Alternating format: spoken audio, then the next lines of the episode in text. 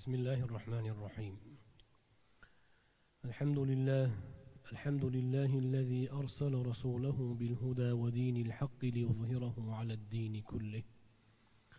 والصلاة والسلام على سيدنا محمد المبعوث رحمة للعالمين وعلى آله وأصحابه أجمعين. السلام عليكم ورحمة الله وبركاته. اللهم رب اشرح لي صدري ويسر لي أمري واحلل عقدة من لساني يفقه قولي. اللهم لا سهل إلا ما جعلته سهلا وإن شئت جعلت الحزن سهلا بقدرتك يا رب العالمين. اللهم أخرجنا من ظلمات الوهم وأكرمنا بنور الفهم. رب أتممنا بالخير ويسر لنا الأمور وأصلح لنا شأننا كله ولا تكلنا إلى أنفسنا إلى أنفسنا طرفة عين ولا أحدا من خلقك. وكلنا واليا وناصرا وحافظا وعونا ومعينا ومؤيدا يا رب العالمين.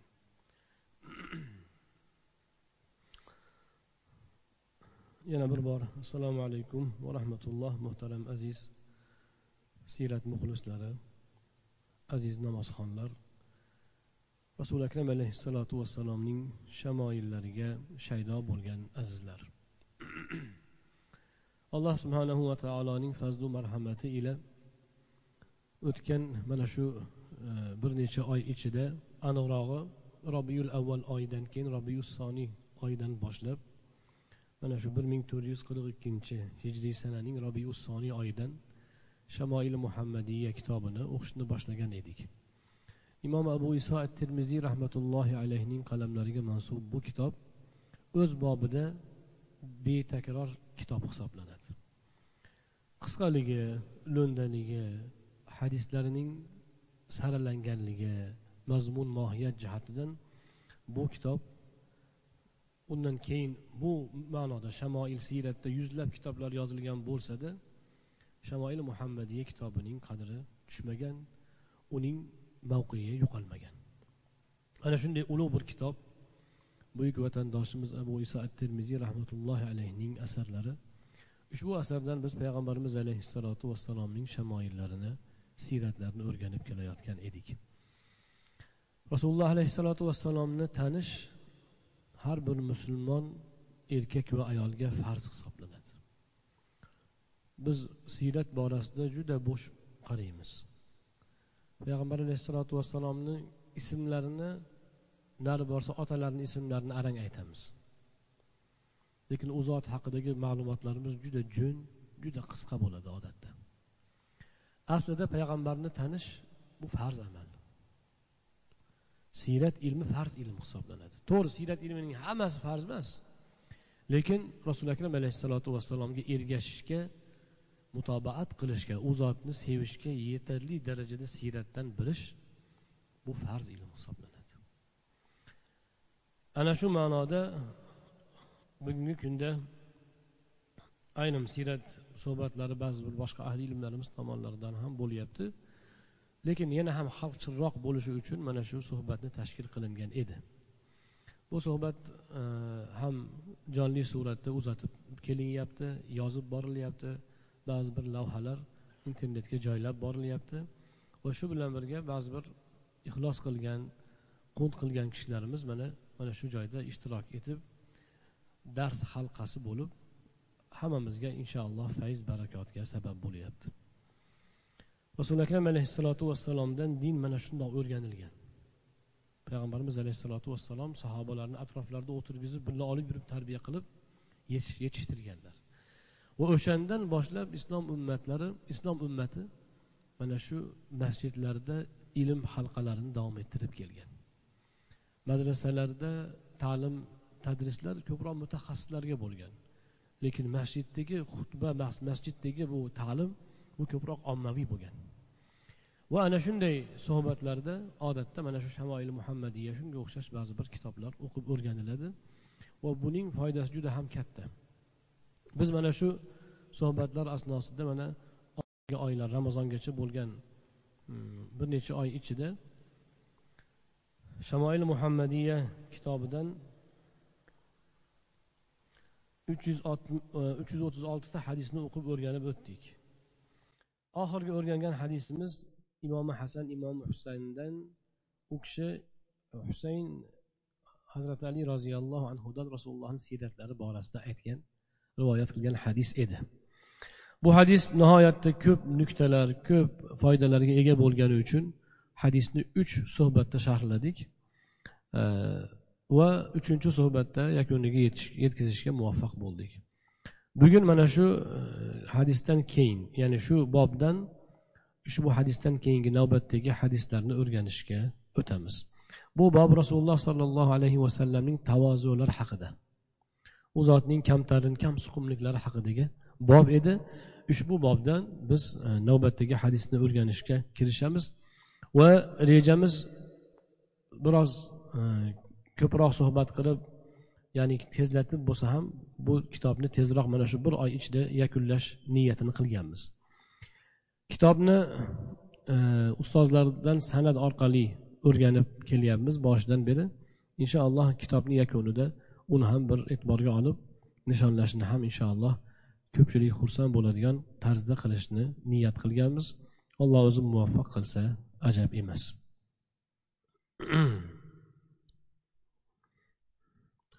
Mikrofon chiqqan ekan. Mikrofon chiqqan ekan. Bu to'g'irlasa bo'lmaydimi buni.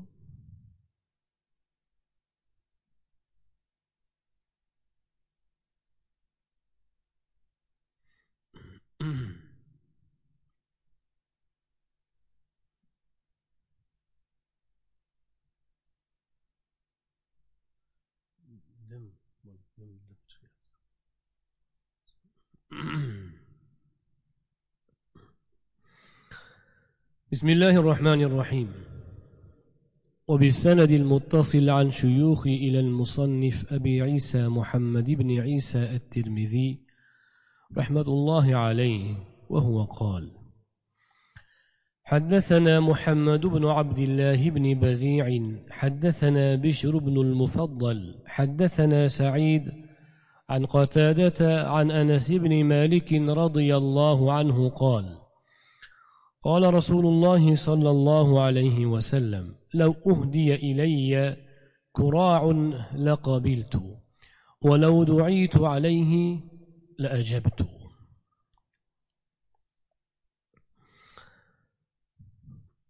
anas ibn molik roziyallohu anhudan rivoyat qilinadi rasululloh sollallohu alayhi vasallam dedilar agar menga bitta tuyoqni hadya qilishsa ham uni qabul qilaman va agar o'sha tuyoqni yeyishga ziyofatga chaqirtirilsa unga ijobat qilaman dedilar ya'ni bu payg'ambarimiz alayhissalotu vassalomning kamtarliklaridan edi. Birov bir burda non topdi birov o'sha vaqtlarda ham haligi hayvonning tuyog'ini pishirish bu endi hayvonning tuyog'ini eng arzon joyi bo'lganda endi go'shti yog'i boshqa joylari qimmatli qimmat bo'lgan. Eng arzon joy shu tuyog'ini pishirib agar menga hadya qilsa shu tuyog'ini yeyish uchun qabul qilaman. Agar meni bir kishi tuyoq pishirib chaqirsa mehmondorchilikka unga ijobat qilaman dedilar rasululloh sollallohu alayhi vasallam imom buxoriy rivoyat qilgan boshqa hadisda keladi. Rasululloh akram alayhissalom aytganlar ayollar deganlar qo'shnisi agar bitta tuyoq chiqarsa ham kamsitmasin. O'shani xursandchilik bilan qabul qilsin deganlar. Nega ayollar alohida ta'kidlanadi? desa odatda ayollarda mana shu narsaga biroz e, e'tiroz bo'lish ehtimoli yuqori. Shu kelib kelib tuyog'ini chiqarasanmi deyishi mumkin kimdir. Ana shundoq demasin. Bitta tuyog'ini chiqarsa ham uni qabul qilsin xursand bo'lsin. Xuddi shu kabi rasuli akram alayhissalotu vassalom o'zlari ham aytyaptilarki menga bir kishi bir tuyoq bersa ham xursand bo'laman. Qabul qilaman tuyoq pishirib chaqirsa ham boraman. Bu payg'ambarimiz alayhissalotu vassalomning kamtarliklarining bir alomati edi. Mehmonga borgan paytda qoida shu. Yoki birov hadya bersa ham qoida shu. Ko'ngildan chiqarib berilgani qabul qilinadi. Kattami kichikmi yaxshimi yomonmi yoqadimi yoqmaydimi farqi yo'q.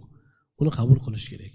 Bu mo'min musulmonlikning demak odobidan axloqidan kerak bo'lsa haqlaridan hisoblanadi. Bu shu bilan birga jamiyatda soddalikka sodda hayotga ham ko'niktirish bor jamiyatni. Misol uchun mana biz andijonda vodiyda qarindosh urug' aka uka bir birini ko'rgani borsa quruq borgisi kelmaydi. Umuman birov birovni xonadoniga quruq kirgisi kelmaydi o'zbekchilikda bu narsa bor. Doim bir narsa ko'tarib kirgisi keladi. Lekin shu narsani odatda har kim ham oshinolmaydi yaxshi narsaga. To'rttagina non bir kilogina uzum misol uchun topishi mumkin. Lekin bizda nima hijolatchilik bo'ladi? Men shuni ko'tarib boramanmi? Tuzukroq bir pul topsam yaxshiroq bir besh olti kilo qilib a ikki uch kilo go'sht qilib borsam tuzukda endi. Deb nima qilamiz? Aloqa uzoqlashib yuraveradi. Aka ukachilik qarindosh urug'chilik oqibat uzoqlashib ketaveradi. Rasuli akram alayhissalotu vassalom o'rgatyaptilarki bitta tuyoq qo'yni tuyog'i eng arzon narsa bo'lgan o'sha vaqtda. Bo'lmam ularda chorvachilik dehqonchilik asosiy. Bu degani juda arzon narsa. O'sha eng arzon narsa bo'lsa ham tortinmay beraveringlar bir biringlarga ikkinchilar hech bir imanmasdan uni qabul qilsin qadrlasin. Narsaning oz ko'pligida emas gap. Gap mehr oqibat va o'shani ilinishda. Gohida bir narsani bir kishiga hadya qilib berish mumkin. Kim, kim birov birovga hadya qilib beradi lekin ilinmasdan beradi. Ilinmaydi. Nimadir manfaat bo'lishi mumkin. Yuz xatiri bo'lishi mumkin. Biznikiga yaxshi narsa jo'natgan ekan men ham jo'natmasam bo'lmaydi degan gaplar bo'lishi mumkin. Chin ko'ngildan bo'lmaydi. Lekin ozgina narsa bo'lishi mumkin mana tuyoq bir kilo go'sht bir kilo uzum ikkitagina non lekin u chin ko'ngildan bo'lsa ana u haqiqatan manfaatli bo'ladi. Mana bu odobga rioya qilishda hadya berganda ham mana xuddi mana shu narsaga rioya qilishda biz nimani e'tiborga olishimiz kerak? O'sha oz narsa berganga ham yaxshi tashakkur aytishimiz kerak. Odatda qimmatroq narsa bersa yaxshiroq qulluq qilib arzonroq narsa bersa sekin chekkaga qo'yib qo'yaversak bu demak e, odobdan emas. E'tibor e'tibor muhabbat chin ko'ngildan ozmi ko'pmi narsa berilsa unga uni qabul qilib o'shanga yarasha unga bir yaxshi iltifot qilib qo'yish lozim bo'ladi. Navbatdagi hadis حدثنا محمد بن بشار حدثنا عبد الرحمن بن حد عبد الرحمن حدثنا سفيان عن محمد بن المنكدر عن جابر رضي الله عنه قال جاءني رسول الله صلى الله عليه وسلم ليس براكب بغل ولا برذون.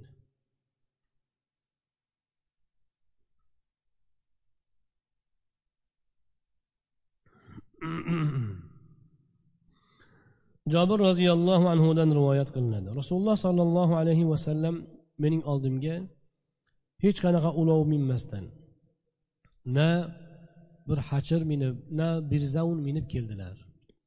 Ya'ni birzavun ham minmasdan hachir ham minmasdan mening huzurimga rasuli akram alayhissalotu vassalom kelgan edilar deydilar jobir ibn abdulloh roziyallohu anhu.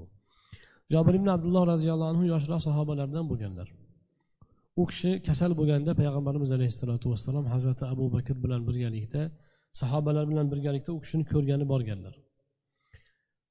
Hazrati rasuli akram alayhissalotu vassalom o'sha vaqtda demak davlat rahbari bo'lganlar imom bo'lganlar xatib bo'lganlar qozi bo'lganlar. Jobir roziyallohu anhuni ko'rgani kelganda hazrati abu bakr ikkalalari piyoda borib ko'rgani borishibdi shuni jobir roziyallohu anhu aytyaptilarki rasuli akram alayhissalotu vassalom o'shanaqa katta mavqega ega bo'lganlarida ham ulovsiz piyoda yuramanmi degan haligi soxta bir yasama tasarruflarga o'tmagan edilar. Obro'li odam odatda bizda shunaqa bo'ladiku. Endi kap katta odam o'sha yoqqa piyoda boramanmi moshinani olib kel deyishi mumkin masalan rasuli akram alayhissalotu vassalom kamtarliklardan ulov kutib o'tirib boshqa betakalluf shundoq piyoda borib jobir roziyallohu anhu hazrati abu bakr bilan birga kasallik bo'lganda ko'rgani borgan ekanlar. Birzaun deb zoddor ajam otini aytar ekan. Ya'ni u zot alayhissalotu vassalom hashirda ham birzaunda ham ya'ni hech qanaqa ulovsiz demoqchilar lekin qimmatbaho ulovlarni eslashini sababi shuki aslida o'shanaqa ulovda yurish kerak bo'lgan zot edi o'zi asli.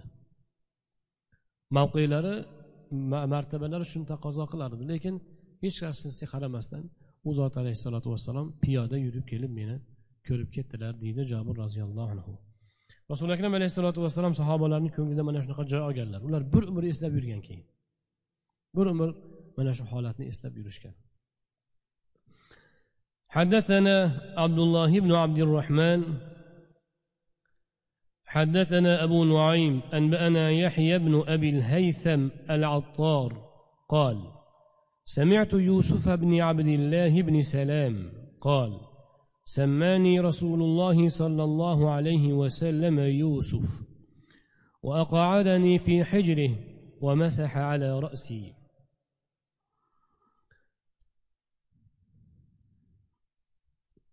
Yahyo ibn abu haysam attor aytadi men yusuf ibn abdulloh ibn salomdan eshitdim. U aytdi rasululloh sollallohu alayhi vasallam meni yusuf deb nomladilar. Meni quchoqlariga o'tirgizdilar va boshimni silagan edilar deydilar. Abdulloh ibn salom degan yahudiylarning ichida eng birinchi musulmon bo'lgan o'zi musulmon rohib yahudiylarning rohiblaridan bo'lgan kishi bor edi. U kishi ulug' sahobalardan abdulloh ibn salam. Farzand ko'rganlarida e, bolani rasuli akram alayhissalotu vassalomni huzurlariga olib kelgan ekanlar. Shunda rasululloh sollallohu alayhi vasallam o'tirgan joylarida etaklariga o'tirgizib quchoqlariga olib bolani erkalatib boshini silab uni yusuf deb nomlab bergan ekanlar. Abdulloh ibn salomning e, bu tasarruflari rasuli akram alayhissalotu vassalomning farzandlariga mana shunday bolajonliklari bu musulmon ummatining bir go'zal xislati hisoblanadi. Farzand ko'rganda ulug' olim insonni oldiga olib borish ota onani oldiga olib borish ism qo'yib bering deyish duo olish bular hammasi sahobalardan kelayotgan ulug' bir odob hisoblanadi. Islom mana shunga o'xshash odoblar bilan bezangan din. Faqatgina namoz ibodat ro'za hajni o'zidan iborat emas. Islomda mana bundoq go'zalliklar borki u eng yuksak madaniyatning eng oliy cho'qqisi. Har qanaqa xalq tan beradi. Mana bu odoblarni ko'pchilik o'ylaydiki biz o'zbekchilikda bor deb o'ylaydi. Faqat biz o'zbeklarda borda deb qo'yadi. Nega desa arablarda hozir borsa topolmaydi. Faqat biz o'zbeklarda bor ekan deydi. Arablarda ham borni joyda bor. Arablarda kimlarda bor? O'sha qadriyatni odobini ushlagan joylarda bor. Lekin odatda biznikilar unaqa kishilarni davrasiga qo'shilmaydi. Ko'proq ahli ilmlarni doirasida bo'ladi omma xalq nega unaqa bo'lib ketgan desa omma xalq mana shu zohiriylik mazhabi yoyilishini ta'sirida mana shu kuyga tushgan. Zohirparastlik faqat farz bilan vojibga amal qilish arang sunnatga amal qilish ha desa hadislarni zaifga chiqaraverish ha desa hamma narsani bidatga chiqaraverish birovni ulug'lasa bo'lmaydi deb vahimaga solib hamma narsani shirkka chiqaraverishni oqibatida shu odoblardan ularning ko'pi ayrildi. Asli mana sahobalarda bor odob edi. Ko'p musulmon xalqlar o'sha zohiriylikning ta'sirida go'zal odoblarni qo'ldan boy bergan. Siz bilan biz buni mahkam ushlashimiz kerak. Bizda alhamdulillah hozirgacha davom etyapti. Misrdan kelgan shayxlar ustozlar shomdan kelgan shayxlar ustozlar bizni diyorimizga kelgan paytda suhbatlashganimizda shu gapni ular aytadi. Hammasi ta'kidlab aytadi. Sizlarda islom ilmlari to'g'ri susayib ketgan bo'lsa bordir o'rtada uzilish bo'lgan boshqa bo'lgan. Lekin ko'z quvunadigan narsa biz ajdodlarimizda ko'rgan ko'rgan odob sizlarda saqlangan deydi. Qadriyat saqlangan. Asli bu qadriyat bu odob hamma musulmon xalqning mushtarak odob axloq madaniyati bo'lgan. Lekin ba'zi bir e, jamiyatlarda haligindek noto'g'ri yondashuv qur'on hadisga bo'lgan noto'g'ri yondashuv odobga bo'lgan bepisandlik ana shunaqa bir quruq holatga ba'zi bir kishilarni tushirib qo'ygan. Lekin u degani hamma shundoq degani ham emas. Lekin ommatan olib qaraganda ko'pchilikni olib qaraganda mana shu holat haqiqatan bor. Shuning uchun mana shu hadis shariflarni siyrat kitoblarini ko'p o'qish kerak. Kitob o'qisa ko'p narsa chiqadi. Hadisda yo'qu deb qo'yishadi. Qaysi hadis kitobni o'qiding desangiz nari borsa sahih buxoriyni bilan sahih muslimni o'qigan bo'ladi? Sahih buxoriy sahih muslim bosh ustiga u birinchi o'rindagi hadis kitob. Lekin undan boshqa joyda hadis yo'q degani emas. Sihohu sittada chiqmayaptiyu sihohu sittadan boshqa hadis to'plamlari ham bor. Alohida siyrat kitoblari bor. Axloq kitoblari bor. Ularda bu, bu boshqa kitoblarda uchramagan ayrim ma'lumotlar keladi o'z o'zidan tabiiy. O'rganish kerak o'qish kerak. Agar o'rganib o'rganib yaxshi chuqur o'qilsa mana shu bizni ulug'larimiz qilgan aksar deyarli hamma odob axloqlarni biz kitobdan topa olamiz. O'qimasdan turib inkor qilishadi. O'qimaydida o'zi ko'rmagan yo'q dinda yo'q deydi. Lekin yaxshi o'qisa hammasi dinimizda bor narsalar bo'lib chiqadi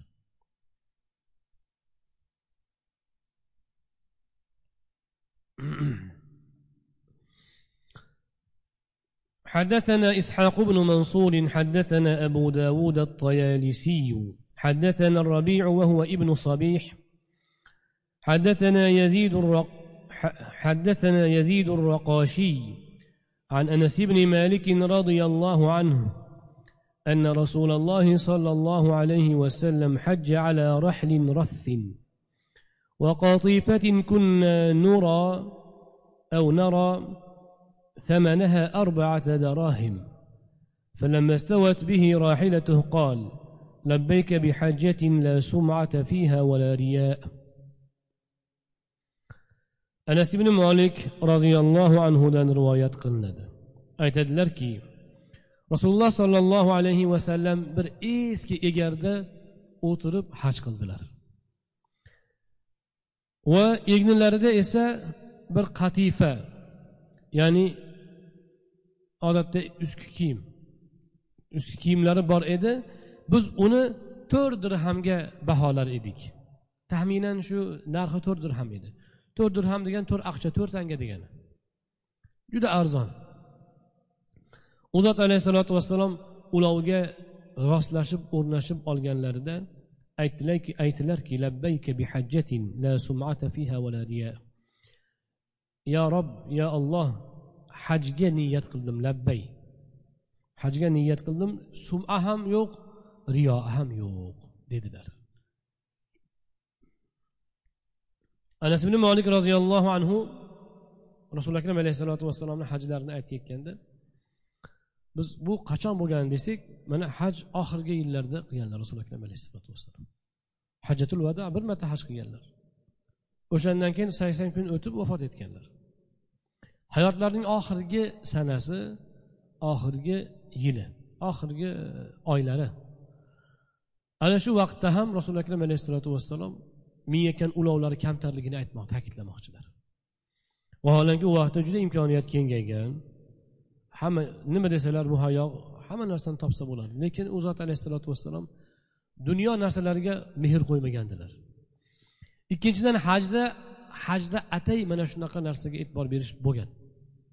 Ya'ni hajda hokisorlikni izhor qilish bo'lgan. Haj bandalik qulchilikning cho'qqisi hisoblanadi. Va tarki dunyo dunyoni ziynatlarini tark etish dunyo rohatlarini tark etish fursati hisoblanadi. Bizda hozir nima qilishadi? Hajga borib hajga borganda ham komfort sharoit buzilmasin. Ba'zi kishilar bor qozonni ko'tarib ketadi shu yerdan. Savzi guruchgacha olib ketadi. Borib o'sha yerda osh qilib dimlab qozon kabob yeb mana shunaqa qilib kelishadi. Keyin kelganda ba'zi bir hojilar bilan gaplashsangiz juda ajib ajib. O'zinglar ham kuzatasizlar oshxona bor ekan bordinglarmi? Uyg'urlarni ovqat taomxonasiga kirib rosa maza qilib laman yebmiz. Mana shu ahvol. Hatto olimlar shunchalikki hajga borishadi besh marta umra qilib haj qilib keladi sochi qimirlamagan bo'ladi. Vaholanki soch u ziynat uni tark etish afzal. Qisqartirganda ham rosmona qisqartirish kerak. Lekin sochni haligi turmaga ham buzilmasin. Bu demak hajning nazariyasiga zid holat. Rasuli akram alayhissalotu vassalom haj qilganlarida eski arzon kiyimda ekanlar va ulovlarni egari ham shunaqa kamtarona kamsuqumgina arzongina ekan. Yana la sumata va la riya labbayka bi hajja degan duo qilar ekanlar. Parvardigor suma riyo bo'lmasin. Xo'ja ko'rsin maqtovga ichqibozlik degan narsa bo'lmasin parvardigor xolis senga bandalik bo'lsin bu hajjim deb ana shundoq izhor qilar ekanlar.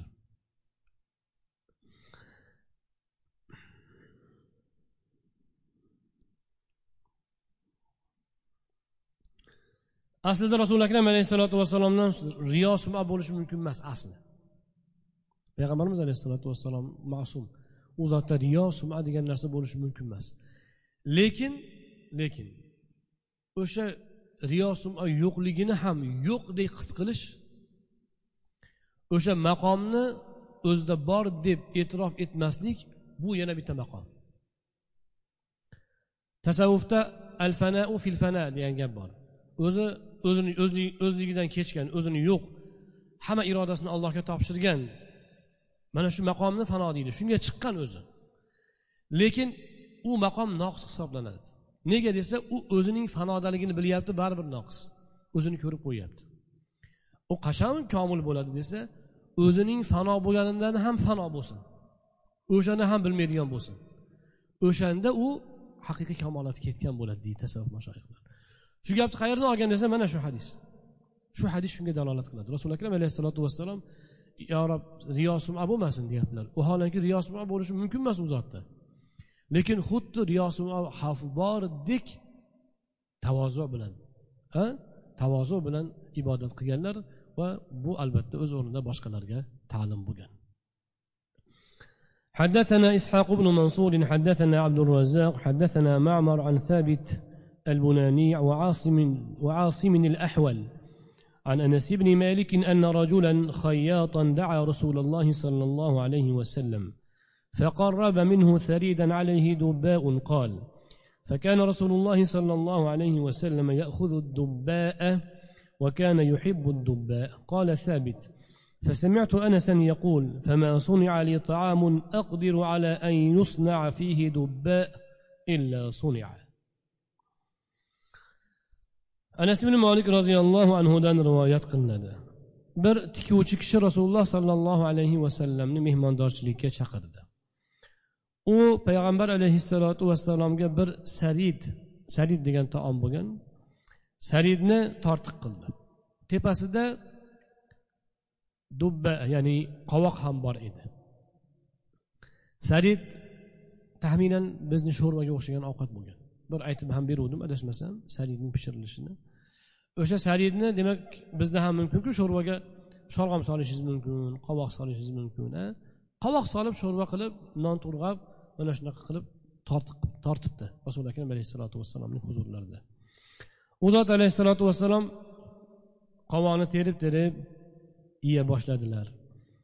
U zot qovoqni yeyish qovoqni yaxshi ko'rardilar deydi anas ibn molik ushbu hadisni anas ibn molikdan rivoyat qilayotgan ikki roviyning biri sobit bunoniy anas ibn molikning eng peshqadam shogirdlaridan aytadilarki men anas ibn molikning shunday deyayotganini eshitganman. Menga agar ovqat qilinsa ovqat qilinsa shu ovqatga agar qovoq qo'shishga qodir bo'lsam albatta qo'shaman. Albatta qovoqli ovqat qildiraman degan ekanlar anas ibn molik roziyallohu anhu. Boshqa rivoyatlarda keladi anas ibn molik aytadilar men o'zi qovoqni uncha suymasdim lekin rasululloh rasululloh sollallohu alayhi vasallamning qovoqni suyib yeyayotganlarini ko'rib qovoqni yaxshi ko'rib qoldim. Va shundan keyin qovoqni doim imkon qadar topib yeyishga urinadigan bo'ldim deganlar bu sahoba ikromlarning rasuli akram alayhissalotu vassalomga bo'lgan muhabbatlari va ergashishlarining namunasi hisoblanadi حدثنا محمد بن اسماعيل حدثنا عبد الله بن صالح حدثنا معاويه بن صالح عن يحيى بن سعيد عن عمره قالت قيل لعائشة رضي الله عنها ما كان ماذا كان يعمل رسول الله صلى الله عليه وسلم في بيته؟ قالت كان بشرا من البشر يفلي ثوبه ويحلب شاته ويخدم نفسه. أمره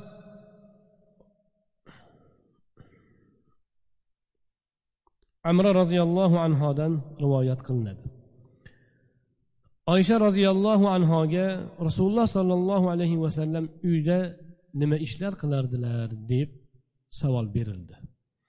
Shunda oysha roziyallohu anho dedilar kana basharon bir inson edilar. Bir odam bashariyat basharlardan biri edilar insonlardan biri edilar. Yafli thawbahu. Kiyimlaridagi ancha muncha haligi bizda bo'ladiku ip ilashib qoladi. Chang ilashib qoladi. Mana shunga o'xshagan narsalarni kiyimlardan o'zlari tozalab ketaverardilar. Va qo'y echkilarni o'zlari sog'ardilar. O'z ishlarini o'z xizmatlarini o'zlari qilib ketaverar edilar deydi oysha roziyallohu anhu rasululloh sollallohu alayhi vasallam o'sha bu ta'rifni aytilishida e, ma'no shuki u zot alayhissalotu vassalom insoniyatni sayidi edilar. Hamma xizmatda hamma ta'zimda. Payg'ambarimiz alayhissalotu vassalomni sahobalar yaxshi ko'rgandan oyoq qo'llarini ham o'pishardi. Tahorat olsalar suv yerga tushmas edi sochlarini tolashib olishardi. Hamma sahoba jonini fido qilishga o'nta bo'lsa o'nta jonini fido qilishga tayyor edi. Ana shuncha e'tiborda ana shunday martabada bo'lsalar ham uy ichida oddiy insondek yashayverardilar odam tashqi hurmat e'tibor yana shunga o'xshagan narsalardan ta'sirlanib o'zini bir narsa deb o'ylab rasmiylashib olsa qanaqadir bir qobiqqa tushib olsa bu soxtalik bo'ladi. Ikkinchidan ojizlik bo'ladi. Chunki dunyoning hamma narsasi vaqtincha zoil uchinchidan inson agar hurmat topsa allohning ne'mati bilan hurmat topadi. Unga banda o'zini o'zi xoli qilishi noto'g'ri. Agar olimligi uchun hurmat topsa ilm allohniki. Olloh bergan ilm olloh bergan fahm. Agar qiroati uchun hurmat topsa u ham olloh bergan quvvat qudrat imkoniyat. Boyligi bilan ehtirom topsa boylikni olloh beradi rizqni olloh keng qilgan. Mansab martabasi bilan agar u aziz bo'lsa mansab martabaga olloh muvaffaq qilgan. Va hokazo. Inson o'zini agar chiroyiga masalan chiroy chimmatiga qad qomatiga agar o'zidan ketaman desa umuman ahmoq bo'ladi. Chunki u qosh ko'zini biror joyga o'zini qo'li tegmagan. Uni olloh yaratgan. Ho'p birov ya'ni olloh yaratgan narsa olloh bergan quvvat qudratdan inson hovliqishi bu mantiqqa ham to'g'ri kelmaydi va allohga ham xush kelmaydi. Rasuli akram alayhissalotu vassalom bashariyatni sayidi edilar. U zotga vahiy tushib turardi. Odamlar hammasi u zotni oldida ta'zimda edi. Lekin ayni vaqtda u zot alayhissalotu vassalom bashar edilar. Va mana shuni unutmaganlar. Doim oddiy insondek yashashni xush ko'rganlar. Dabdabani yoqtirmaganlar. Odamlar endi unamasdan hurmat e'zoz qilishsa tahorat olayotganlarida suvlarni olib yuzlariga surtishgan paytda rasuli akram alayhissalotu vassalom mayliyu lekin asli hal qiluvchi narsa amal deb qo'yganlar. Ya'ni sahobalarni muhabbatlarini ham qaytarmaganlar. Chunki ular o'sha bilan sal yupanchi qonadi u shavq u zavqni o'shanaqa muhabbat qalbida jo'sh urgan odam keyin biladi. Buyoqdagi odam nimaga shunchalik hurmat qilishgan ekan zarilmidikin deyishi mumkin. Yana ba'zi bir hozirgi e, sayoz qaraydigan sathiy odamlarni nazari bilan qaraganda sahobalar nima shunchalik sodda bo'lganmikin? Rasululloh ham bizga o'xshagan odam bo'lganku deb qo'yishadi ba'zi bir donolar. Ana o'shanaqa qaraydigan bo'lsa u u his qilmaydi u. U ya'ni his qilmagan zavq yo'q odamni gapi rasuli akram alayhissalotu vassalom sahobalarni nega ana shu ehtiromlardan qaytarmaganlar desa ularning qalbidagi muhabbat o'tini rasululloh his qilganlar. Ular mana shu ish bilan biroz qalblarida yupanch topishar edi. Va bu joiz narsa edi. Payg'ambarimiz alayhissalotu vassalomga bo'lgan ehtirom allohga bo'lgan ehtirom edi. Rasuli akram alayhissalotu vassalomga bo'lgan ta'zim allohga bo'lgan ta'zim edi. Shuning uchun rasuli akram alayhissalom bundan odamlarni qaytarib o'tirmaganlar. U joyda o'zlarini ko'rmaganlar. Xudbin odam o'zini ko'radigan odam yana nafsi buzuq odam birovlar hurmat qilsa birov masalan bir olim kishini boshqalar hurmat qilyapsa bu yoqdagi odam juda nima bo'libdilarku tabarru bo'libdilarku. Ilohiylashtirishyapti ekan oq ekan ko'k ekan deb buyoqdagi odam aytishi mumkin. Agar rasululo akram alayhissalotu vassalomning sahobalari rasulullohga qilayotgan hurmatini ko'rsa nima deyishadi ular? Ilohiylashtirishdimi hokazo deydimi? Xuddi mana shu gapni aytish mumkin. Lekin nega rasuli akram alayhissalom bundan qaytarmaganlar? Sahobalarni mana shu tasarruflardan qaytarmaganlar. Chunki payg'ambarimiz alayhissalotu vassalom u ehtirom allohga allohni rasuli bo'lganlari uchun allohga bo'lgan ehtirom bo'lgan e'tibordan uni qaytarmaganlar. Shuning uchun deydi ulamolar rasululloh akram alayhissalomga qilingan ta'zim u oddiy shaxsga qilingan ta'zim hisoblanmaydi. Nega? Agar payg'ambarimiz alayhissalotu vassalomga ehtirom menga kimgadir yaxshilik qilganlari uchun bo'lsa boylik martaba uchun bo'lsa unda u shaxsiylashadi.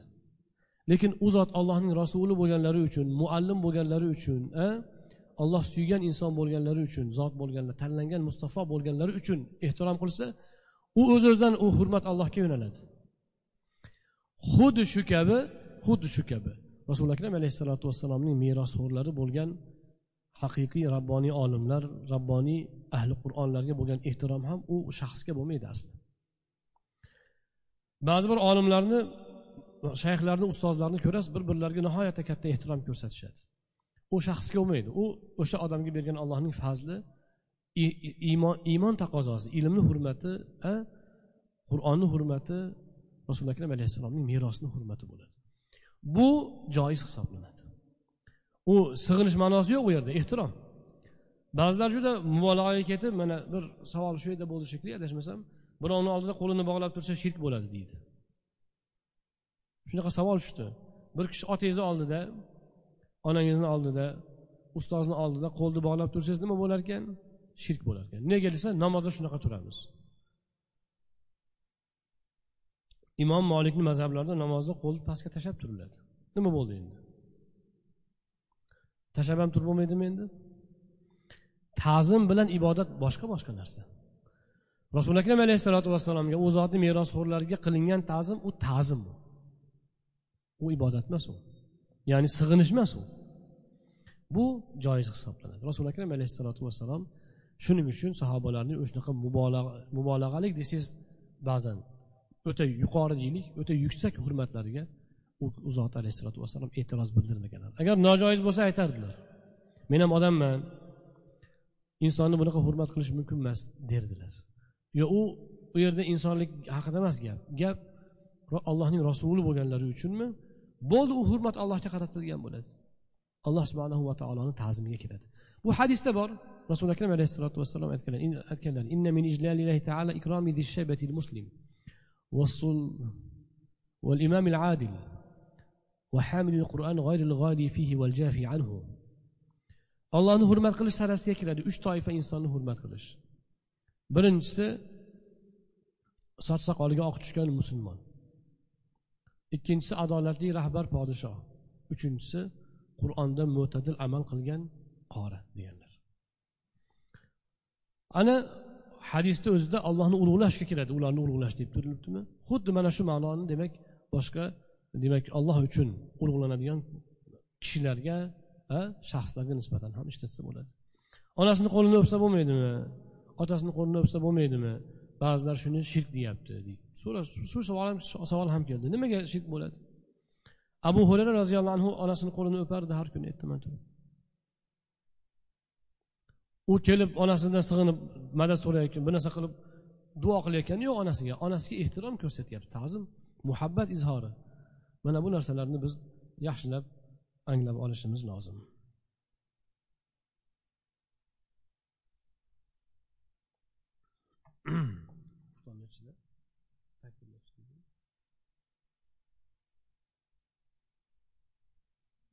Yarim soatcha boradi xuftonga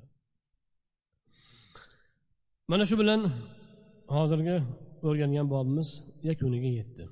Ya'ni rasululloh sollallohu alayhi vasallamning tavozulariga doir hadislar shamoil muhammadiyada yakun topdi. Lekin bu mavzuda juda ko'p hadislarni yana keltirish mumkin. Rasululloh sollallohu alayhi vasallamning axloqlari haqida kelgan bob. ya'ni axloqlari haqida kelgan xabarlar bobi.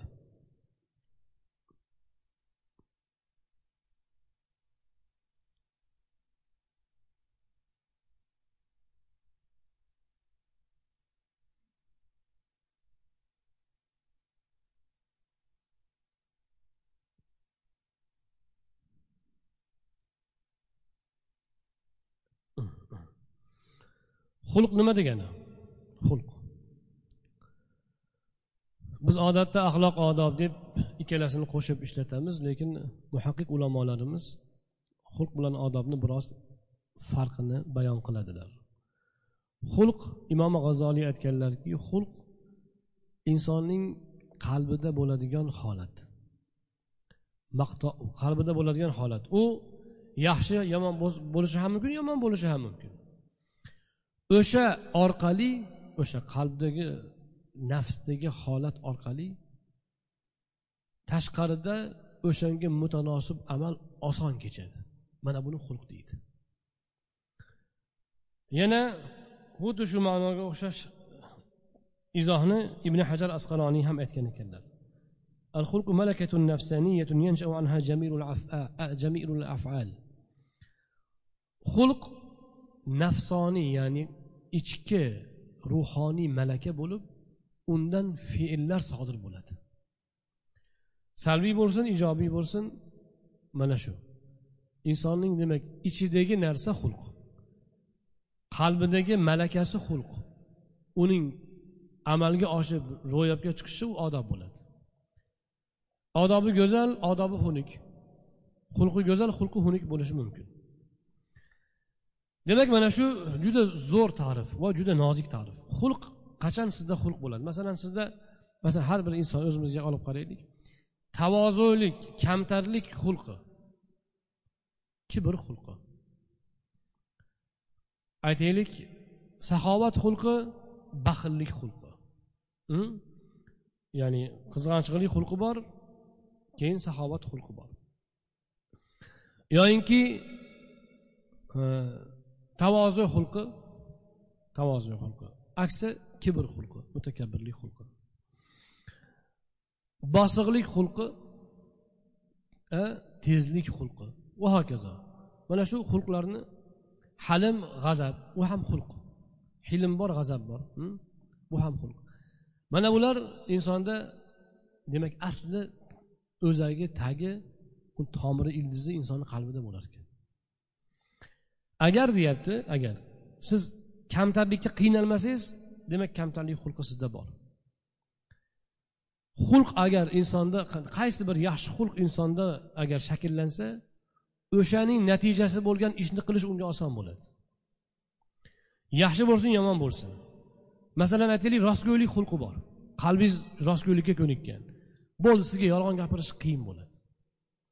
Lekin nafs buzilib inson xulqi yolg'onchi xulqqa aylandi. Yolg'onchilik uni xulqiga aylandi. Endi unga yolg'on gap oson bo'ladi. Rost gapirish qiyin bo'ladi. Amaliyotda amaliyotda qaysi yaxshimi yomonmi ishni bajarayotganingizda odob axloqqa doir nima nima hammasi tushadi bunga. Oson kechsa o'shani xulqi sizda bo'ladi. Ana mana shu demak xulqning ta'rifida aytilgan gap. Demak xulq yaxshi xislatlarning insonning qalbidagi ichki botinidagi holati odob uning amaliyotda aks etishi hisoblanadi. Bu ikkalasi mutanosib bo'lsa inson haqiqiy sodiq mo'min bo'ladi. Ikkalasi nomutanosib bo'lsa ya'ni xulqda yo'q narsani odobda ko'rsatib yurilsa unda nifoqdan bir qism bo'ladi. Misol uchun bir kishi bu xulq bilan odobni farqlashda ajoyib bir e, nuqtalarni biz eslab o'tsak bo'ladi. Masalan bir kishini turishi dag'alroq turishi dag'al. Muomalasi sal qo'polroq bo'lishi mumkin. Ko'rinishdan kibrga o'xshaydi. Qo'polroq unda o'sha tavozu odobi topilmayapti. Lekin qalbi kamtar. Asli gaplashsangiz qalbida birovdan o'zini baland olmaydi. Kamtar odam. Bu odamda tavozu kamtarlik xulqi bor. Odobi yetilmagan. Odobi yetishmagan. Yo noqis yo yo'q. Yoki aksincha bo'lishi mumkin. Ko'rinishdan tavozu ikki bukilib salomni berib tavozuni qo'y qiladi. Lekin qalbida u sizdan o'zini ustun olib turadi. Bu deydi hech qancha emas deydi hech narsa emas deydi. Biz o'zimiz yetadigan joyga yetganmiz va hokazo. Qalb qalbida unda unda kibr xulq kibr bor xulqda. Lekin odobda kamtarlik odobi bor. Kamtarlik odobi bor lekin xulqi kibr mana bu demak xulq bilan e, odobni farqi. Mo'min kishi mo'min kishi eng kamida ichi bilan bir xil bo'lishi kerak. Iloji bo'lsa ichi tashdan yaxshi bo'lishi kerak. Insonlarni deydi uch qismga bo'linadi. Mo'min bor mo'min bor mo'min bor munofiq bor siddiq bor. Mo'min kim? Ichi bilan tashi bir xil odam mo'min bo'ladi. Tili bilan dili bir. U mo'min munofiq kim? Ichidan tashi go'zal odam munofiq bo'ladi. Siddiq kim? Siddiq tashidan ichi go'zal odam. Ko'rinishi ham solih solih inson yaxshi inson lekin ichi undan ham go'zal. Qalbi undan da buyuk. mana bu siddiq bo'ladi siddiq haqiqiy yuksak maqom hisoblanadi shahidlardan ham ulug' hisoblanadi مع النبي ومن يطع الله ورسوله فأولئك مع الذين أنعم الله عليهم من النبيين والصديقين والشهداء والصالحين mana shu oyatni tafsirida keladi ushbu gaplar alloh va rasuliga itoat qilgan kishilar payg'ambarlar bilan siddiqlar bilan shahidlar bilan bo'ladi deb kelyapti oyatda keyin solihlar keladi undan keyin solihlar Siddiqlar shahidlardan ham ustun turadi. Nega desa u jihoddan mana shu haligi nafsga qarshi jihod jihodi akbar degani shu. Siddiq u nafs bilan kurashib nafsini yenggan odam u. U katta jihodni qoyillatgan odam. Chunki odatda inson ichidan ko'ra tashini go'zal qilishga harakat qiladi. Siddiq esa u uni ichi tashidan ko'ra go'zal bo'ladi. Tashi albatta solih solih. Ichidagi maqom undan yuksak bo'ladi xulqda xulqda. Mana shunaqa bo'lishi kerak inson. Ya'ni insonni tashidagi odobidan ichidagi axloqi balandroq bo'lishi kerak. Lekin ko'pincha aksincha holatni ko'rib qolasiz. Bir kuni bir e, o'zini tasavvufga nisbat beradigan bir birodarlarimizdan biri bilan bir joyda o'tirib qoldik. Ramazon oyi edi. Keyin shu yerda tasavvuf haqida tariqat haqida gap ketdi. Ko'p odamlar tariqat tasavvuf desa faqat zikrlardan iborat e, besh olti rakat nafl namoz shu bir ikki yuzta zikr tamom tariqat tugaydi. Shu deb o'ylaydi. Aslida u unaqa emas tariqatni o'zi eng cho'qqisi asli axloqni tuzatish u. Ixlosni raso qilish rostlash. U zikrlar vosita u. U amaliy nima u? Omil. Nafsni poklash uchun vosita va hokazo. Lekin asl maqsad esa u nafsni poklash bandalik ubudiyatni shakllantirish. Ubudiyatda qoida shuki tasavvuf mashoyixlarini shiorlari.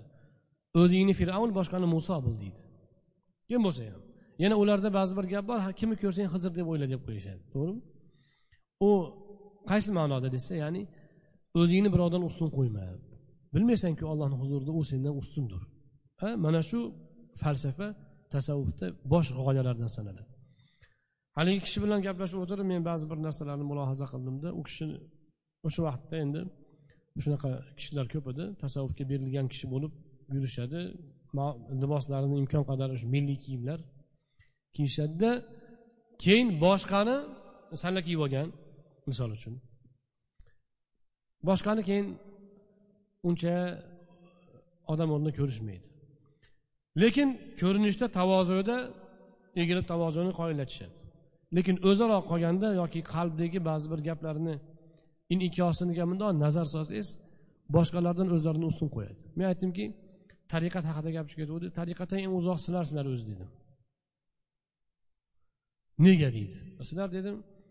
Birov bilan ko'rishyapsizlar yetti bukilib ko'rishasizlar kerak bo'lsa. Lekin qalbinglarda nima turadi? Aytaymi dedim. Nima? deydi. Bu tahajjud o'qimaydi men tahajjud o'qiyman deb turasizlar to'g'rimi dedim buni og'zaki aytishardi ular ilmsiz bo'lgani uchun buni tili bilan aytganda ular. U gapni eshitib ko'zidan yosh chiqib ketdi u kishini yig'lab yubordi qori aka dedi haqiqatda dedi bizda shu xato bor dedi. Sheriklarimda shu narsani men kuzataman dedi. Kiyinishingizda sallani boshga kiyib olib chiroyli kiyib olib biz sunnatga muvofiq sizniki bundoqroq kiyim dedingiz u ketdi u. u amalda hech narsa qolmadi. Savob ham qolmadi aksincha gunohga aylanib ketdi. O'zingiz katta oldingiz mumkin emas. Kiyim bilan faxrlanish hech ham mumkin emas. Men tahajjud biz tahajjudni o'qiymiz. Bular tahajjud o'qimaydi endi. Undan ham dahshat. Undan ham o'tib tushadiganlari bor. Edi. Endi hozir ular yo'q bo'lsa kerak bo'lsa ham juda kam. Shariat ahli bu shariatga amal qiladi tariqat ahlini xudo o'zi tanlaydi. U undan ham o'tib tushgan o'zlarini salkam vahiy qabul qiladigan odamlardek qabul qilishadi. Bular hammasi tasavvufga yot narsalar. Ana o'shanaqa ko'rinishda ta'zim qalbni o'zini katta olib turadigan bo'lsa nima bo'ladi? Unda tavozu xulqi yo'q. Lekin tavozuni odobini ko'rsatyapti. Bu yaxshi holat emas. Aksincha qalbingizdagi kamtarlik tashqidan ko'ra yuqori bo'lsa mana bu to'g'ri holat hisoblanadi. Alloh subhanahu va taolo hammalarimizga tavfiq bersin. Rasululloh sollallohu alayhi vasallamning xulqlari haqidagi bobda albatta biz qur'oni karimdan bir oyatni eslaymiz va innaka ala xuluqin azim. Rasuli akram alayhissalotu vassalomga alloh subhanahu va taolo e, qasam ichib turib orqasidan aytgan innaka ala xuluqin azim. Siz ey muhammad alayhissalom buyuk xulq uzradursiz nega uzradursiz siz siz turgan mana shu siz turishingiz haqiqiy xulq eng buyuk xulq rasuli akram alayhissalotu vassalomning xulqlari hisoblanadi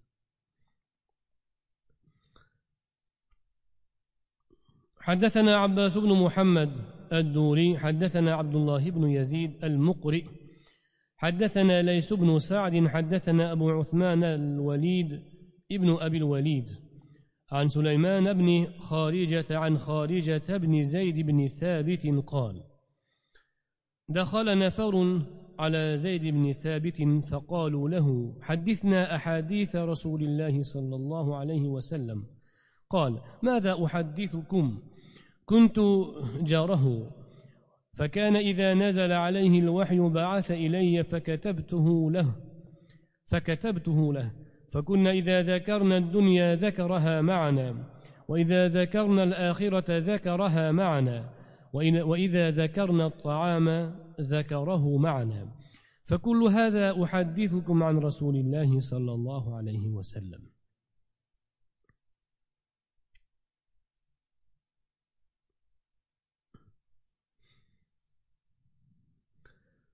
zayd ibn sobit roziyallohu anhuning o'g'li xorijadan rivoyat qilinadi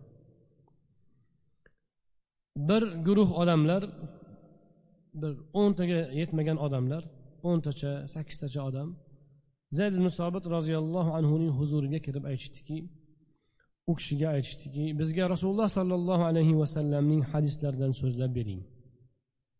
Deyishdi. Zayd ibn sobit maza uhaddithukum? Sizlarga qay birini aytay? Nima deb aytay? Ya'ni rasuli akram alayhissalotu vassalomning hadislarini ular so'rashgan paytda go'yo shundoq bir gap bo'ldiki go'yo shundoq bir kayfiyat sezdiki zayd ibn sobit xuddi bitta o'tirishda rasululloh sollallohu alayhi vasallamni haqlarida bizga bizga bor gapni aytib yuborsa aytib bersayu biz shundoq bilib olsak degandek kayfiyat sezildi. Shunda zayd ibn sobit roziyallohu anhu ushbu kayfiyatga raddiya sifatida rasuli akram alayhissalotu vassalomni oldin ulug'ladi. Nimasini aytasiz? Deydiku bizda. Shunga o'xshash gap. Rasuli akram alayhissalotu vassalomning qandoq qilib aytib adog'iga yetib bo'ladi. U zotning hadislarini siyratlarini aytib adog'iga yetib bo'larkanmi? Dedilarda keyin ularni savoliga javob berdilar bir qism. Men rasululloh sollallohu alayhi vasallamning qo'shnilari edim. Zayd ibn sobitning uyi eng yaqin uyi eng yaqin sahobalardan bo'lgan zayd ibn sobit. U zot alayhissalotu vassalomga vahiy nozil bo'lsa menga odam yuborardilar men u zotga vahiyni yozib berar edim. Biz dunyodan gaplashsak biz bilan birga dunyo haqida gapirardilar. Agar oxiratdan gap ochsak biz bilan birga oxiratdan so'zlardilar. Agar ovqatdan gapirsak biz bilan birga ovqat haqida ham gaplashardilar. Mana shularni hammasini men rasululloh sollallohu alayhi vasallamdan sizlarga aytib beryapman dedi zayd ibn sobit roziyallohu anhu. Ya'ni rasululloh sollallohu alayhi vasallam ana shundoq oddiy sahobalar bilan yaqin munosabatda bo'ladilar.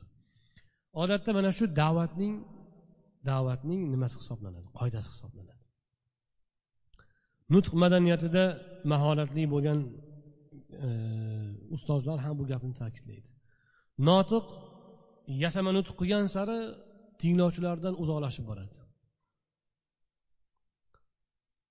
Samimiylashib oddiylashgan sari tinglovchilarga yaqin bo'lib boradi. Shu bilan birga payg'ambarimiz alayhissalotu vassalom vahiy nozil bo'lyapti qur'on o'qib beryaptilar. Odamlarni toqatini hisobga olganlar. Faqat oyat hadisda gapirasan boshqa gap ketmaydi demaganlar. Odamlar endi ovqatdan gapirgisi keladi bir bozordan gapirgisi keladi bir dunyo ishlaridan gapirsa rasuli akram alayhissalotu vassalom eshitib o'tirib birga gaplashib qo'shilib ham qo'yar ekanlar.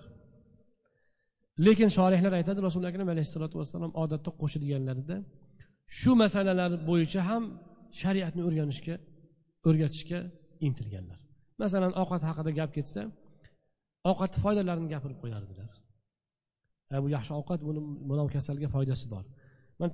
Tibbun nabiyda xuddi shu narsani ko'rishingiz mumkin. Sahobalar qaysi bir yegulik ichuvlik haqida gaplashishsa bu falon kasalga dori a falon joyda e, mana bundoq foydalansa bo'ladi deb qo'yardilar. Oxirat haqida gaplashishsa erta qachon rasuli akram alayhissalotu vassalom ularning oxirat haqidagi tushunchalarini to'ldirib tuzatib turardilar. Dunyo haqida gaplashsalar ham dunyo ishlarida ham payg'ambarimiz alayhissalotu vassalom tajribalari baland edi. Tajribalaridan baham ko'rardilar. Va o'rni kelganda shariat hukmini ham orada ularga qistirib tushuntirib borardilar. Undan tashqari ham sahobalar mana shu oddiy hayotiy gaplardan gaplashsa rasuli akram alayhissalotu vassalom ular bilan birga hazillashib kulib o'tirib eshitardilar va ahyon ahyonda degan hadisni boshqa rivoyatda keladi. Keyin ahyon ahyonda bir nasihat qilardilar shariatdan ta'lim berardilar deydilar. Zayd musobit roziyallohu anhu vahiy kotibi ekanlarini bu joyda alohida eslab o'tganlar. Nega desa bu sharaf. Chunki payg'ambarimiz alayhissalotu vassalomga nozil bo'lgan vahiyni birinchi eshitib birinchi qayd qiladigan odam edilar. To'g'ri boshqa vahiy kotiblari ham bor edi lekin aksar holatda zayd ibn sobit roziyallohu anhu yozib borardilar ikkinchidan bu e, o'z o'rnida o'sha savol berganlarga islomning sobitligini bir uqtirib qo'yish ham. Ular o'zi rasuli akram alayhissalotu vassalomning shaxsiy holatlari haqida savol berishdi. Hadislari nasihatlari lekin zayd musobit roziyallohu anhu vahiyni yozib borganlarini eslatib o'tdilar. Nega desa birinchidan rasuli akram alayhissalomga yaqinliklarini ko'rsatganlar ikkinchidan islom qur'on mana shundoq sobit narsa. Ana o'sha ilmni ham u kishi shu gap orasida uqtirib o'tganlar.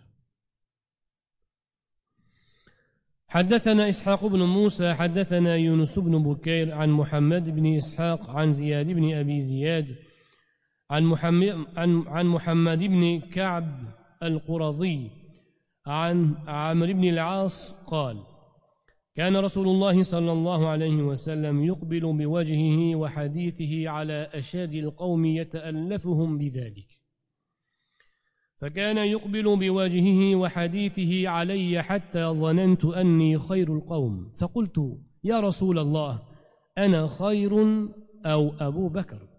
قال أبو بكر. فقلت يا رسول الله أنا خير أم عمر؟ فقال عمر. فقلت يا رسول الله أنا خير أم عثمان؟ فقال عثمان. فلما سألت رسول الله صلى الله عليه وسلم فصدقني فلوددت أني لم أكن سألته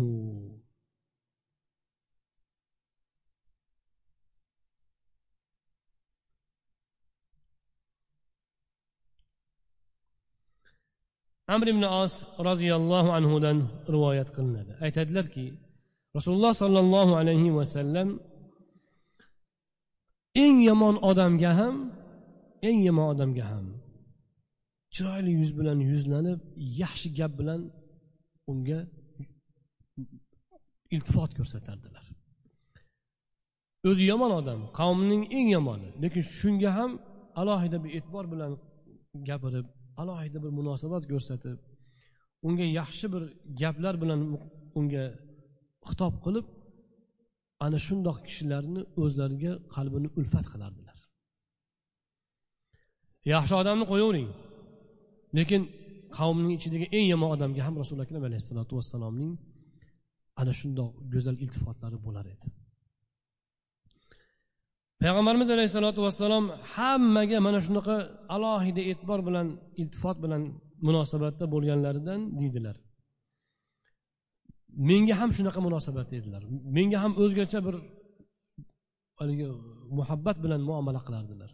Men borib o'ylab qolibmanki borib borib eng odamlarni ichida rasulullohga eng yaqinligi men bo'lsam kerak deb o'ylab qolibman deydi. O'zi sahobalarning hammasi shunaqa deb o'ylashar edi. Sahobalarni ichida payg'ambarimiz alayhisalotu vassalom har bir sahobaga shunaqa munosabatda bo'lardilarki hamma sahoba rasululloh bilan sirdosh edi. Va o'zini boshqa sahobalardan rasulullohga yaqin deb o'ylar edi. Amr ibn os aytadilarki menga bo'lgan munosabatlarda men ham mana shu gumonga boribmanu. Bir kun rasulullohdan so'rabman. Yo rasululloh men yaxshimanmi abu bakrmi tepadan tushganlarda. Chunki hatto shu darajada o'ylaganlarki abu bakrdan ham yaxshi bo'lsam kerak. Rasululloh rasululloh akram alayhissalotu vassalom hoynahoy ya sen yaxshisan abu bakrdan devorsalar kerak degan umidda pastroqdan ham emas hazrati abu bakrdan boshlabdilar. Yo rasululloh men yaxshimanmi abu bakrmi rasuli akram alayhissalotu vassalom abu bakr debdilar. Amr ibn os E, bo'lmadi debdilarda endi ichida.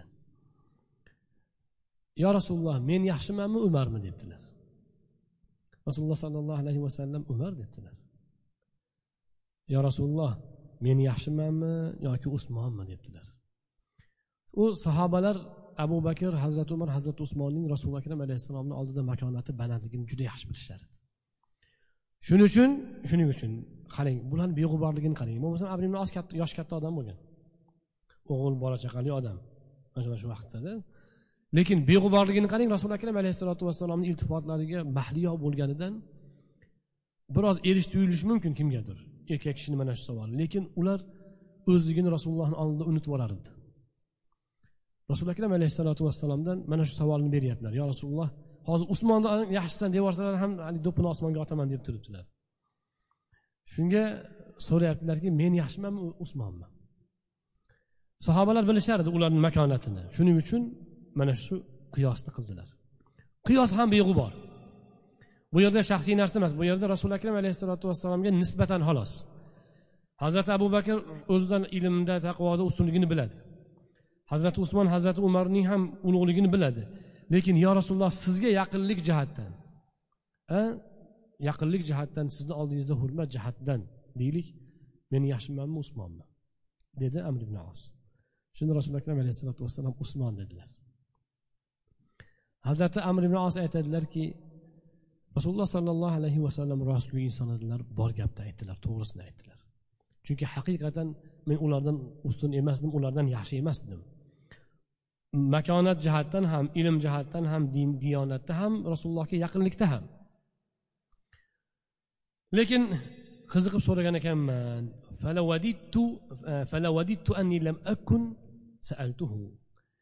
So'rashni so'rab qo'ydimu keyin e so'ramaganimda yaxshi edi ekan deb qoldim deydilar amr ibn os roziyallohu anhu chunki so'ramaganlarida o'sha eng yaxshiman deb yuraverardilarda o'sha eng yaxshisi menman degan xayolda yurganim yaxshi edi degan ekanlar abu nos roziyallohu anhu mana bu narsa bu jihatdan ham ibrat hamma narsani kavlab bo'lmaydi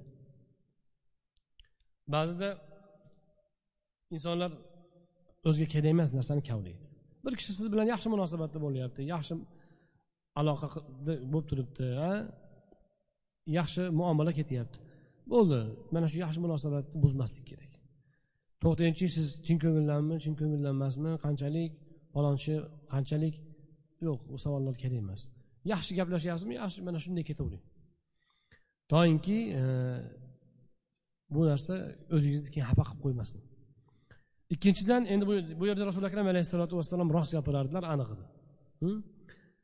Inson baribir e, u kishi endi erkalab so'raganlar lekin inson boshqadan o'zini ustun deyishga intilmasligi kerakligi ham bor. Rasuli akram alayhissalotu vassalom hazrati amr ibn osga bu jihatdan ham tarbiya berganlar.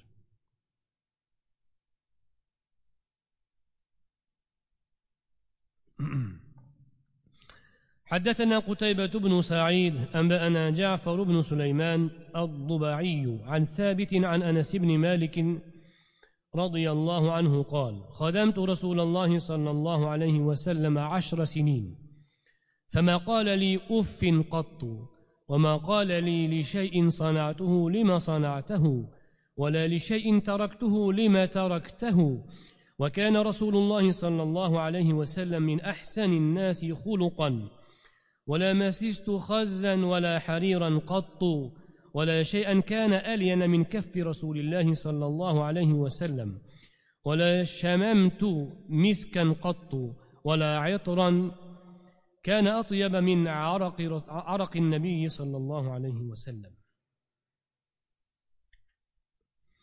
أنس بن مالك رضي الله عنه دان رواية قلنا رسول الله صلى الله عليه وسلم يقول الخزمة قلدم anas ibn molikni onalari ummu sulaym rasuli akram alayhissalomni huzurlariga o'sha hijrat qilib kelgan paytlarida olib kelib yo rasululloh xizmatchingiz kichkintoy xizmatchingiz anas sizga xizmat qilib duoyingizni olib ta'lim olsin deb olib kelganlar.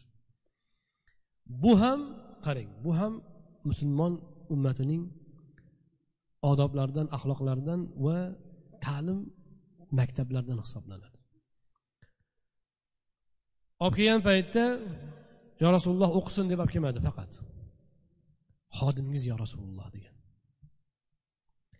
O'g'lini rasulullohga xizmatkorlikka fido qilgan. Lekin u xizmat bilan birga ilm o'rganishi aniq. Lekin olib kelib yo rasululloh yaxshi o'qib olsin sizni oldingizda demagan.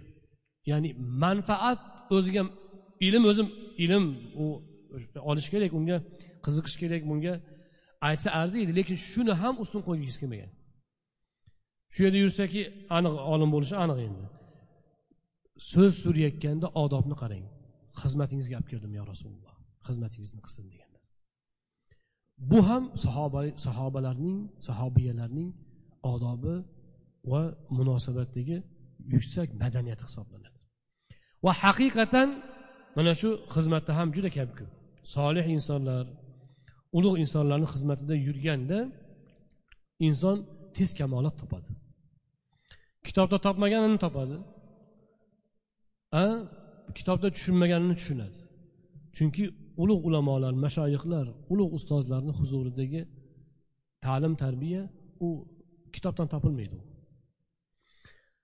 U va anas ibn molik roziyallohu anhu mana eng ko'p hadis qilgan sahobalar hadis rivoyat qilgan sahobalardan bo'lib qoldilar. Nimaga? Chunki xizmat. Xizmatni barakasi. Lekin mana shu joyda bitta e'tibor beradigan narsamiz shuki mana sahobalar sahobiyalar rasuli akram alayhissalotu vassalomga mana shunaqa fidokorlik qilgan. Kerak bo'lsa o'g'lini fido qilgan xizmatga mol dunyosini fido qilgan o'zini fido qilgan keyin u daraja topgan keyin sahoba bo'lgan. Sahobalar o'ylamang faqatgina eshitib eshitib orqasini o'girib ketaverib shu bilan sahoba bo'lib qolgan deb. Yo'q sahobalar fidokorligi bilan sahoba bo'lgan. U mundoq kelib ketavergan sahobalar ham bo'lgan. Ular u haligi yuksak darajaga erishgan sahobalar maqomida eslanmaydi. Mana shu vaqtgacha siz bilan biz ismlarini yoddan biladigan sahobalarning aksari imkon qadar umrini rasuli akram alayhissalomni xizmatiga dinni xizmatiga fido qilgan odamlar bo'lgan. O'ziga yarasha kelib namozini o'qib eshitib qo'yib ketib tirikchilikni qilib yurgan sahobalar ham malomat qilinmagan lekin bu daraja yo'q ularga. Mana bu bizning islom maktabida madrasasidagi an'ana hisoblanadi. Bugungacha bugungacha mana shu narsa bor. Shuning uchun islomda xizmat qilish bu sharaf hisoblanadi. U haligi kamsitilish haqqi poymol bo'lish degan tushuncha u g'arbniki u. Xolis xizmat qilish tasavvuf mashoyihlarni qoidalari bor bir qancha qoidalari bor.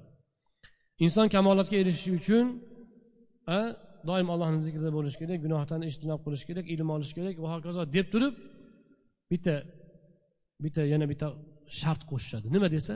Xolis xizmat deydi. Inson xolis xizmat qilmagunicha kamolotga erisholmaydi u masjidga bo'ladimi ustozga bo'ladimi a yana boshqa bir mana shunga o'xshash vaziyatlarga bo'ladimi? Vaziyatlarda bo'ladimi? Xolis xizmat qilish insonda fidokorlik bo'lishi kerak. Kamolot mana shu kamolotning shartlaridan biri hisoblanadi. U faqat birga bir ikkiga ikki bir so'm bersa bir so'm hisob kitobli hayot u kamolotli hayot emas u. Mana sahobalarni hayotidan biz bu narsani anglashimiz mumkin. Anas ibn molik aytadilarki rasululo akram alayhissalomga o'n yil xizmat qildim men. Biror marta menga uf demadilar. Ya'ni rasuli akram alayhissalotu vassalom jirkish so'kish tugul uf degan so'zni ishlatmagan ekanlar. Uf haligi e bo'lmabsanda degan gapni eng yengili. Anas ibn molik payg'ambarimiz alayhissalotu vassalomdan bilasizmi ellik yosh kichkina odam yoki qirq yosh kichkina odam? Rasuli akram alayhissalom madinaga kelganlarida o'n o'n bir yashar bola bo'lganlar. Yosh bola bo'lgan bo'lsalar o'sha vaqtda rasululloh ellik yosh bo'lganlar. Qirq yosh kichkina. O'g'lidan ham otamdan ham katta deymiz shunaqa holat.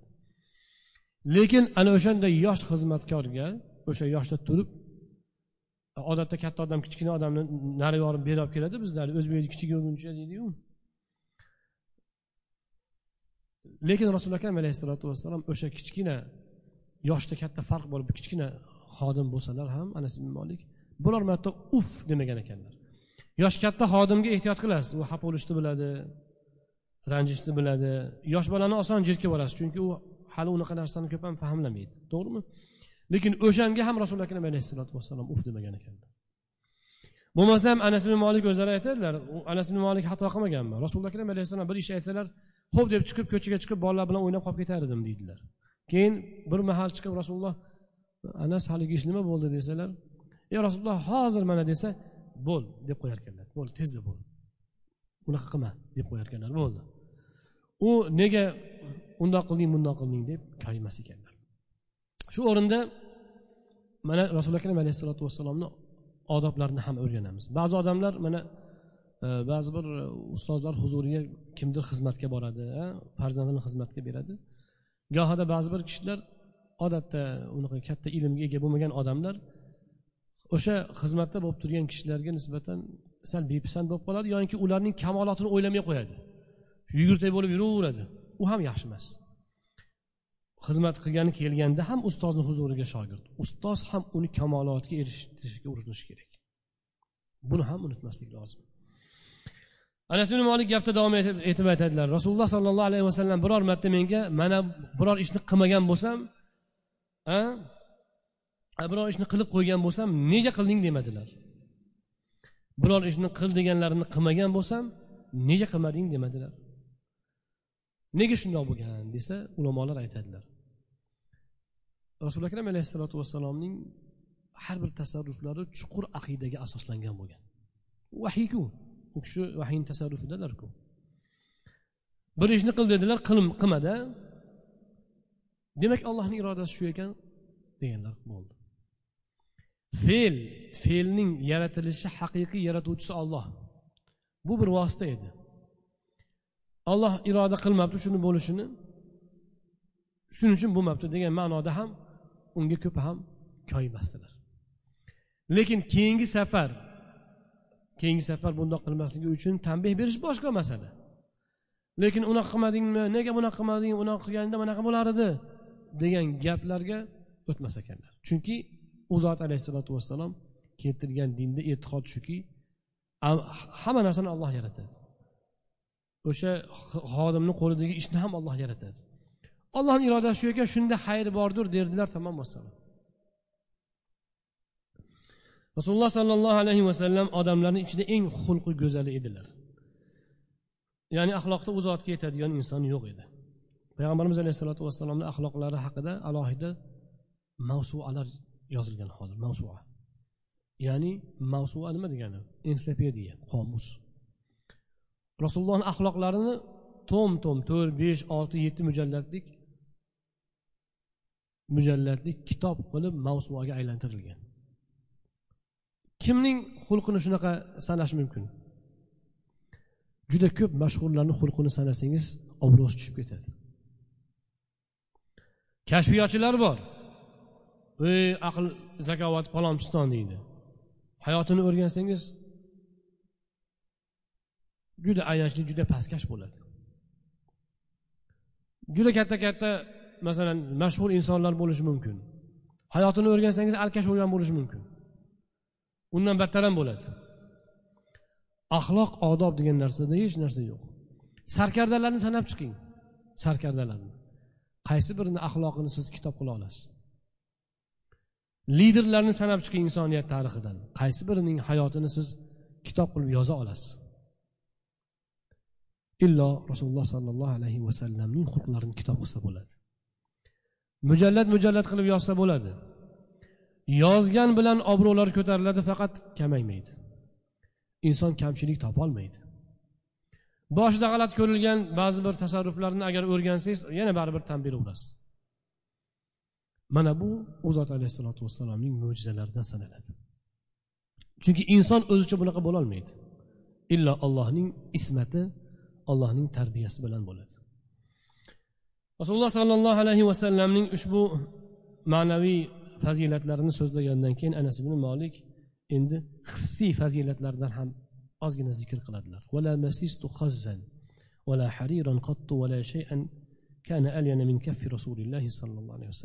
Biror shoyi biror ipay rasululloh sollallohu alayhi vasallamning kaftidan yumshoq emas edi. Men biror rasulullohni kaftidan yumshoq biror shoyi biror ipay biror bir mana shundoq debojni ushlamadim. Ya'ni rasululloh alayhissalotu vassalomning kaftlari mana shundoq yumshoq muloyim edi. Va u zot alayhissalotu vassalomning bo'ylari xushbo'y edi. U zotdan xushbo'y mushukni ham topmadim.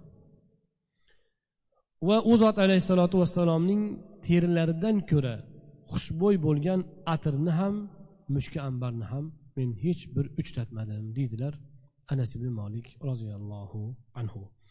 Rasululloh sollallohu alayhi vasallamning xilqatlari borasida oldingi boblarda bu mavzularni batafsil suhbat qilganmiz. Hozircha esa mana shu hadisni o'rganish bilan suhbatimizga yakun yasaymiz. Inshaalloh bu bu bob ham katta bob. Rasulullohni xulqlari haqidagi bob ham. Mana inshaalloh kelasi suhbatdan uch yuz qirq oltinchi hadisdan boshlab kitobni o'rganishda davom etamiz. Ko'pchilik kishilarning iltimosiga ko'ra suhbatni biz dushanba payshanbadan seshanba chorshanbaga ko'chirdik. Chunki ba'zi bir muxlis kishilar dushanba payshanba kunlari ro'za tutishlarini aytdilar. Ularga iftor vaqti bo'lib qolar ekan. Qish kunlari ham bir nav endi. Shomdan keyin xutongacha chidab olsa bo'ladi. Yozni kunida o'zi arang shomga yetib borgan paytda ularni suhbat bilan band qilmasak bu to'g'ri bo'ladi. Shuning uchun e, suhbatni seshanba va chorshanba kuni shomga ko'chirdik. Shomdan xuftongacha davom ettirib turamiz. E seshanba va juma.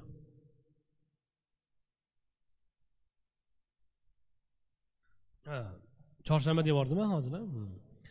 seshanbadan keyin chorshanba keladida o'zi. Shunga til chorshanbaga kelib qo'yadi shamoil muhammadiyani demak seshanba va juma kunlari shomdan xuftongacha qilamiz. Peshindagi ilmiy suhbatimizni inshaalloh kelasi haftadan peshinda davom ettiramiz. Faqat biz boshqa ishlarimizni rejasi bor. O'shanga qarab taxminan dushanba seshanba qilish reja bor. Inshaalloh shunda qilsak kerak. U suhbatim bu mana shamoilda rasuli akram alayhissalotu vassalomning siyratlarini o'rganib borsak ilmiy suhbatimizda o'zinglar guvoh bo'lganinglar. Qur'on hadis ilmiy tarix qur'on hadis va mana shu. Saqofa deydi ya'ni islomiy dunyoqarashni shakllantirish. Ilmning asosi va hokazo eng dolzarb mavzular xususan mana shu suhbatda o'zi boshlanishiga asosiy turtki bo'lgan masala bu mazhab va mazhabsizlik masalalari hisoblanadi. Inshaalloh o'sha mavzularga ham alloh muyassar qilsa yetib boramiz. Va bu mavzularni ilmiy ravishda o'rganib o'tishga harakat qilamiz. albatta ilmiylik bilan birga ommaboplikni ham ushlashga urinamiz alloh subhanava taolo o'zi manfaatli aylasin سبحانك اللهم وبحمدك لا إله إلا أنت نستغفرك ونتوب إليك اللهم انفعنا بما علمتنا وعلمنا ما ينفعنا وزدنا علما نافعا alloh o'zim ilmimizni ziyoda qilgin ilmlarimizga amal qilish baxtini nasib aylagin alloh bizga shariatingga amal qilish rasulingga ergashishni o'zing oson qilgin muyassar qilgin u zot alayhissalotu vassalom haqlarida bilmaganimizni o'rganishimizga tavfiq va quvvat himmat ber. U zot alayhissalotu vassalomga bo'lgan muhabbatimizni ziyoda qilgin. U zotning shafoatlariga musharraf aylagin. Va sallallohu ala nabiyina muhammadin va alihi va ashabihi ajmain.